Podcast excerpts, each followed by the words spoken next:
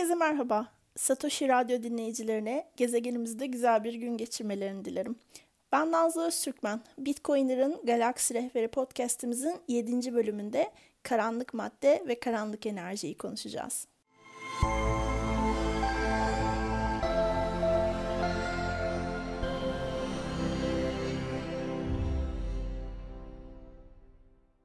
Neredeyse her bölümde karanlık madde kavramı bir şekilde geçti ee, ve ben her bölümde mutlaka karanlık maddeyi konu alan bir bölüm yapacağımı söyledim durdum.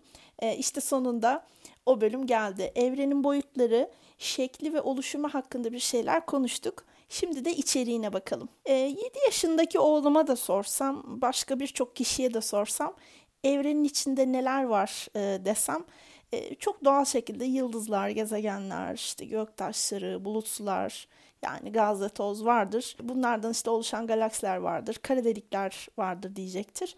Hepsi doğru, tüm bunlar var ve bunların hepsini bileşen anlamında şundan bundan oluşmuştur diye sayabiliriz de. Yani özetle kendi bildiğimiz madde tanımını yaparız. İçerik anlamında maddeyi oluşturabilecek element ve molekülleri sayabiliriz. Bildiğimiz madde demek yani dünya üzerinde de var olan element ve bileşenleri olan e, moleküllerden oluşan madde. E, atomik yapısı da yani bildiğimiz tanıdığımız gibi olan. Elbette dünyamız güneş sisteminde bir gezegen ve oluşumu da uzaydaki buradaki e, varlığının geçmiş ve kökenine dayandığı için dolayısıyla buradaki de tüm maddeler aslında uzaydan geliyor, yıldızlardan geliyor. E, yıldızların evrimi konulu bölümümüzde aslında hepimiz yıldız tozuyuz diye romantizme bağlamıştık hatırlarsınız. Evet bildiğimiz tüm madde yıldızlardan geliyor. Bunu bir kez daha en azından hatırlamış olduk. Şimdi e, bir gezegen olarak dünyayı geçip daha böyle günlük yaşamımıza da indirgeyelim. Yani şu bildiğimiz madde kavramını e, konuşurken. işte içtiğimiz su, şu an benim oturduğum masa, koltuk, bilgisayarımdaki çiplerin ham maddeleri ya da her şey bir şekilde bildiğimiz maddeden oluşuyor. Yani hiç esrarengiz veya bilinmeyen bir durum yok. Burada hemen tabii ateş, su, toprak, hava falan diye de yükselebiliriz. Ya gerçekten yanlış değil. Ama ben zehirli oku fırlatarak konuya girmek istiyorum. Bildiğimiz tüm bu maddeler evrenin yalnızca %5'ini oluşturuyor. Peki geri kalan %95'i nedir diye sorarsak da aslında ortada gizemli veya böyle çok okültizm konulu bir şeyler yok. Tam olarak bu bölümün adı olan şeyler var karanlık madde ve karanlık enerji. Şimdi burayı biraz açalım. Öncelikle büyük resmi oluşturan bilgiyi tam söyleyeyim öyle devam edelim. Evrenin yaklaşık ben düz hesap söyleyeceğim. %5'i bildiğimiz maddeden, %27'si karanlık maddeden ve %68'i geriye kalan da karanlık enerjiden oluşmaktadır. Yani burada ben çok e, yaklaşık oransal sayıları farklı kaynaklardan siz küsuratlarla da bulabilirsiniz. Ben e, düz hesap yaptım yani 4 nokta bilmem kaç demedim de 5 dedim. Asla hani yanlış değil. Yüze tamamlamak önemli. Şimdi biraz bunları tanımlayalım. Ee, işte bildiğimiz madde dediğimizde zaten az önce bahsettiğimiz gibi dünya ve evrende gözlemlediğimiz içeriğini, e, kimyasını ve etkilerini tanımladığımız şu ana kadar bildiğimiz madde söz konusu bu yüzde beşi oluşturan. Çok az bu arada yani inanılmaz az bir oran. Bu periyodik tablodaki tüm işte elementler, onlardan oluşan bileşenler, dolayısıyla yıldızlar, gaz, toz ve gezegenler bildiğimiz madde. Karanlık madde ise Az önceki yüzdesel dağılımdan hani duyduğunuz üzere evrendeki tüm maddenin çoğunluğunu oluşturan hani görünmez bir madde türü. Kütlesi var ama görülemiyor ve sıradan bildiğimiz maddeyle etkileşime de girmiyor. Aslında adına da bu nedenle karanlık madde deniyor. Çünkü elektromanyetik alanla etkileşime girmiyor. Hatırlarsanız elektromanyetik spektrumu konuşmuştuk. Farklı dalga boylarındaki ışımaları. İşte karanlık madde bunların hiçbiriyle etkileşime girmiyor. Elektromanyetik radyasyonu emmediği, yansıtmadığı veya yaymadığı için de direkt gözlenerek bulunup tespit edilemiyor. Peki nasıl böyle bir şey var diyoruz o zaman diye çok basit bir soru sorulabilir. E, çünkü bir gezegen, işte galaksi, yıldız, nötron yıldız veya işte bildiğimiz diğer her şey bir şekilde ilgili elektromanyetik ışıma ile görülüyor. Karanlık maddede biraz teorik olarak ortaya konmuş ve pratikte ise yine bildiğimiz maddeye olan bazı etkileri sonucu e, var dediğimiz bir şey. Mevcutta literatürümüzde olan e, gravitasyonel çekime dair teoriler tarafından bazı böyle açıklanamayan etkiler e, olduğunda hani ilk düşünülmüş bazı alanlardaki diğer gözlemler sonucunda da görülebilenden daha fazla madde olduğu gibi bir sonuca varılmış. Aslında olayın çıkış noktası da bu. Bu nedenle teorik olarak bildiğimiz maddenin dışında da bir maddenin varlığı ortaya atılmış. Çıkış noktası anlamlı geliyor bana bu noktada. Bunu söylediğimde hepimiz bir simülasyonda yaşıyoruz. Sesleri yükselir mi sizden acaba Satoshi Radyo dinleyicileri? Çünkü bizlerin en büyük ilgi alanı olan Bitcoin'in de geliştiricisinin, yaratıcısının anonim olması söz konusu. Yani kişi veya kişiler olarak tanımladığımız bir kimliğe sahip olduğunu düşünürsek ki bu da Bitcoin'in merkeziyetsiz oluşuna çok büyük anlamsal bir katkı sağlıyor. Çünkü bir patronu yok, şirketi yok. O yüzden de şunu sorabiliriz. Sizce karanlık madde evrenin Satoshi Nakamoto'su mu?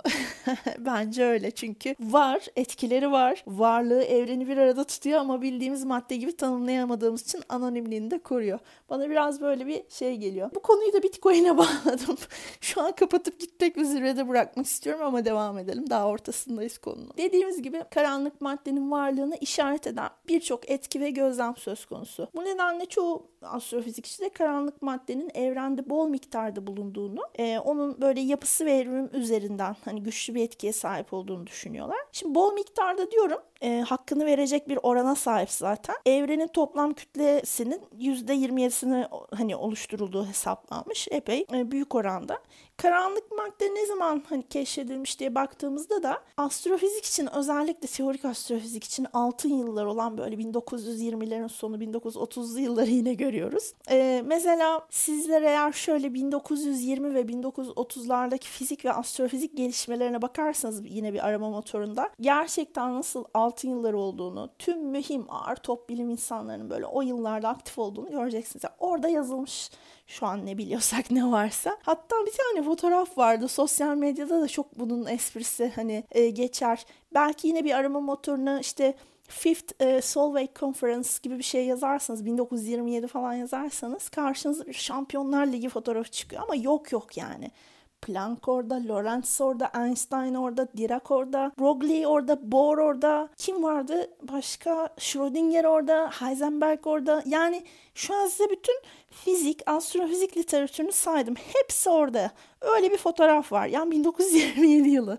E tabi onların çalışma e, ve aktif oldukları yıllar işte hep böyle 1920'ler, 1930'lar. E, karanlık maddenin e, varlığına dair bu ilk çalışmalar ise e, yine hani epey eskiye dayanıyor. Bu yıllara dayanıyor. Tam anlamıyla varlığı hakkındaki böyle gözlemsel destekli teorik makalelerden de önce bazı ders notlarına girmiş biraz. Hani e, tam anlamıyla kabul edilmiş hakemli bir yayından ziyade. E, Lord Kelvin'in milyarlarca olduğu varsayılan yıldızların çoğu belki de büyük çoğunluğu karanlık cisimler olabilir diye bir ifadesi var ders notunun birinde mesela. Muazzam bir şey yani. Hani start tuşu gibi bir şey karanlık madde çalışmalarının. Çok şey geliyor bana. Hani bilimsel bir çalışmanın tam böyle başlangıcı şüphe duyulmuş belli ki bazı matematiksel hesaplamalar yapılmış. ifade olarak çok güçlü gelebiliyor.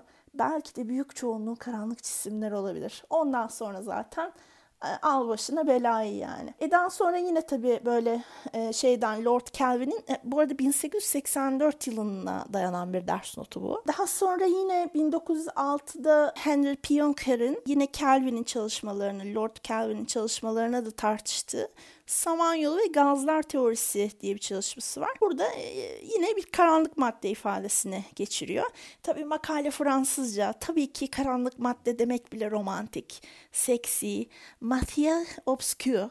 Yani şimdi çünkü mesela İsviçre Zwick'in e, Almanca makalesine bakınca dunkle materie diyor ve diye okuyorsunuz ve bir noktada tadınız kaçıyor. Matière obscure. Fransızca çalışmasında karanlık madde diyor. Neyse biz devam edelim. E, her konuda ben kesinlikle romantik ve bir şekilde seksi bir nokta bulabilirim. Algıda seçicilik. Daha sonra da Hollandalı astronom Jacobus Kapteyn'in 1920'de karanlık maddeyi öne sürdüğü çalışmaları var. Jacobus Kapteyn'in adıyla Hollanda'da bir enstitü de var. Oradan hala çok değerli, çok kıymetli bilim insanları çıkıyor. Ben de yüksek lisans projemi Hollanda'da yaparken Kapteyn Enstitüsü'nü de ziyaret etmiştim. Yani çok e, alanında önemli isimler e, Hollanda'dan çıkıyor hala. Ne kadar güzel. Yine daha sonra karanlık maddeyle ilgili hani çalışmalarında artık bir şeyler bulan, geçiren 1930'da İsveçli Knut Longtmark var. 1933'te İsviçreli astrofizikçi az önce önce söylediğim Almanca makalesi Fritz Zwicky'den de e, karanlık maddenin varlığını ortaya koyan çalışmalar geliyor.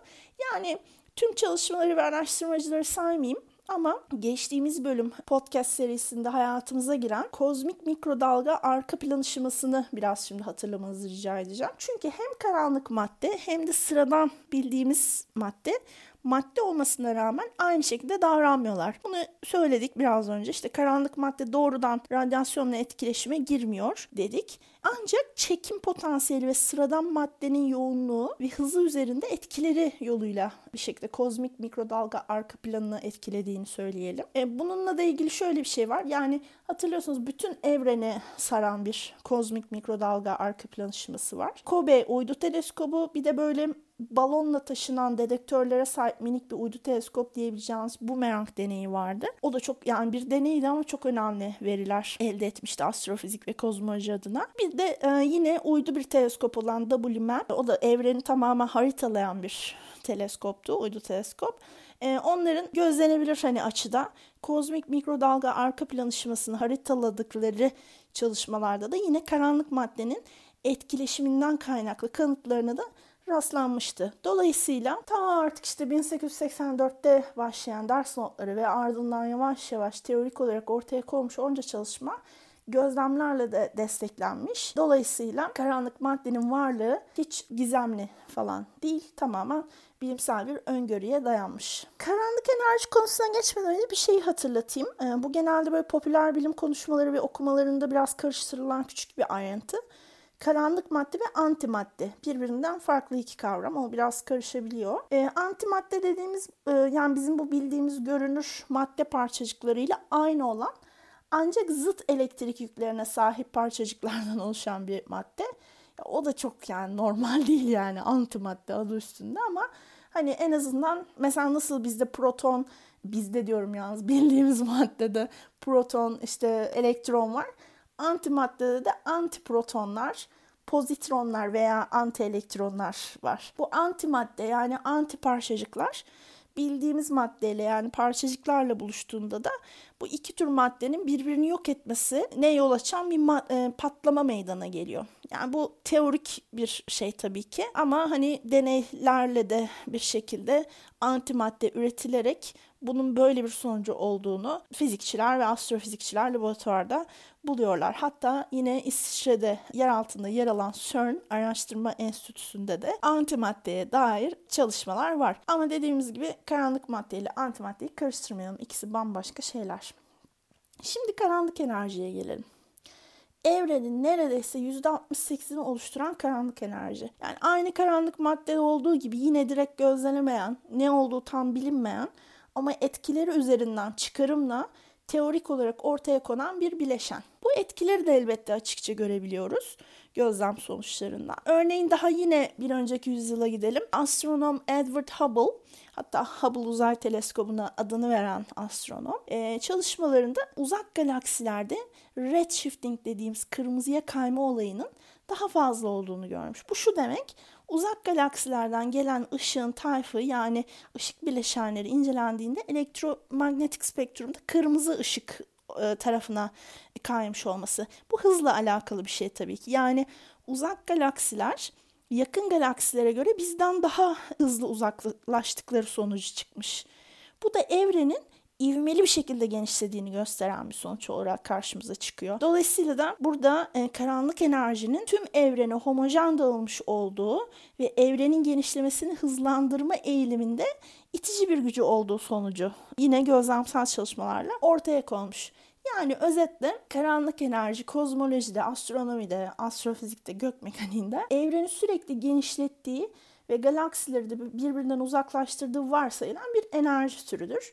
Ve evrenin neredeyse %68'inde oluşturan bir bileşendir. Karanlık enerji kavramını da ilk kez Albert Einstein e, ortaya çıkarmış, e, ortaya koymuş. İşte onun da bulmuş olduğu görelilik teorisine göre hani formülleri kullanarak evrenin asla sabit hacimde kalmayacağını, genişleyeceğini veya çökeceğini hesaplamış. Hubble'ın burada evrenin hep genişlediğini kanıtlamasıyla e, da işte bulmuş olduğu yeni bir enerjiye hatta saçma sapan bir enerji falan da demiş. Ama kendi de aslında formülleriyle kanıtladığı karanlık enerjiyi önemsememiş ama bir şekilde yine aynı sonuca çıktığı da daha sonra anlaşılmış. Yine farklı tabii ki bir sürü astrofizikçi var. Yani e, büyük patlamadan sonraki ani genişlemenin böyle bir negatif basınç alanının e, evrenin bütün işte ani genişlemesine sebep olduğunu e, karanlık enerjiye benzer bir ifadeyle e, sonuçla ortaya konulan e, koyan astronomlar ve astrofizikçiler var. Bir şekilde yine gözlemsel, yine teorik çalışmalarla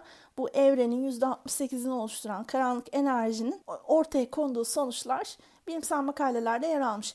Her ikisi içinde, karanlık madde içinde, karanlık enerji içinde hem e, laboratuvar ortamında hem gözlem sonuçları hem de teorik çalışmaları bir araya getirerek halen hani en doğru, en hassas sonuçlara ulaşılan bu miktarı, etkileri, her şeyle içeriği belki e, her şeyle anlamaya çalıştığımız çalışmalar devam ediyor elbette ki. E, beni yine de etkiliyor. Yani 1900'lü yılların en başlarına dayanan bir şey olması etkileyici geliyor. Bu bölümde ben size daha önce de hep böyle bir şekilde kavramsal olarak diğer bölümlerde geçirdiğimiz, sizlerin de elbette ki yaptığınız okumalarda bu tür zaten basit tanımları da belki karşılaştığınız bildiğiniz karanlık madde ve karanlık enerjiden bahsetmek istedim. Bir sonraki bölümün konusunu henüz hazırlamadım ama sosyal medya hesaplarından, Satoshi TV'nin sosyal medya hesaplarından belki küçük ipuçları olabilir.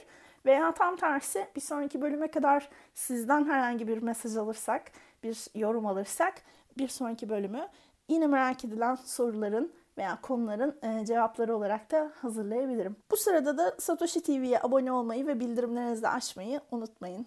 Görüşmek üzere.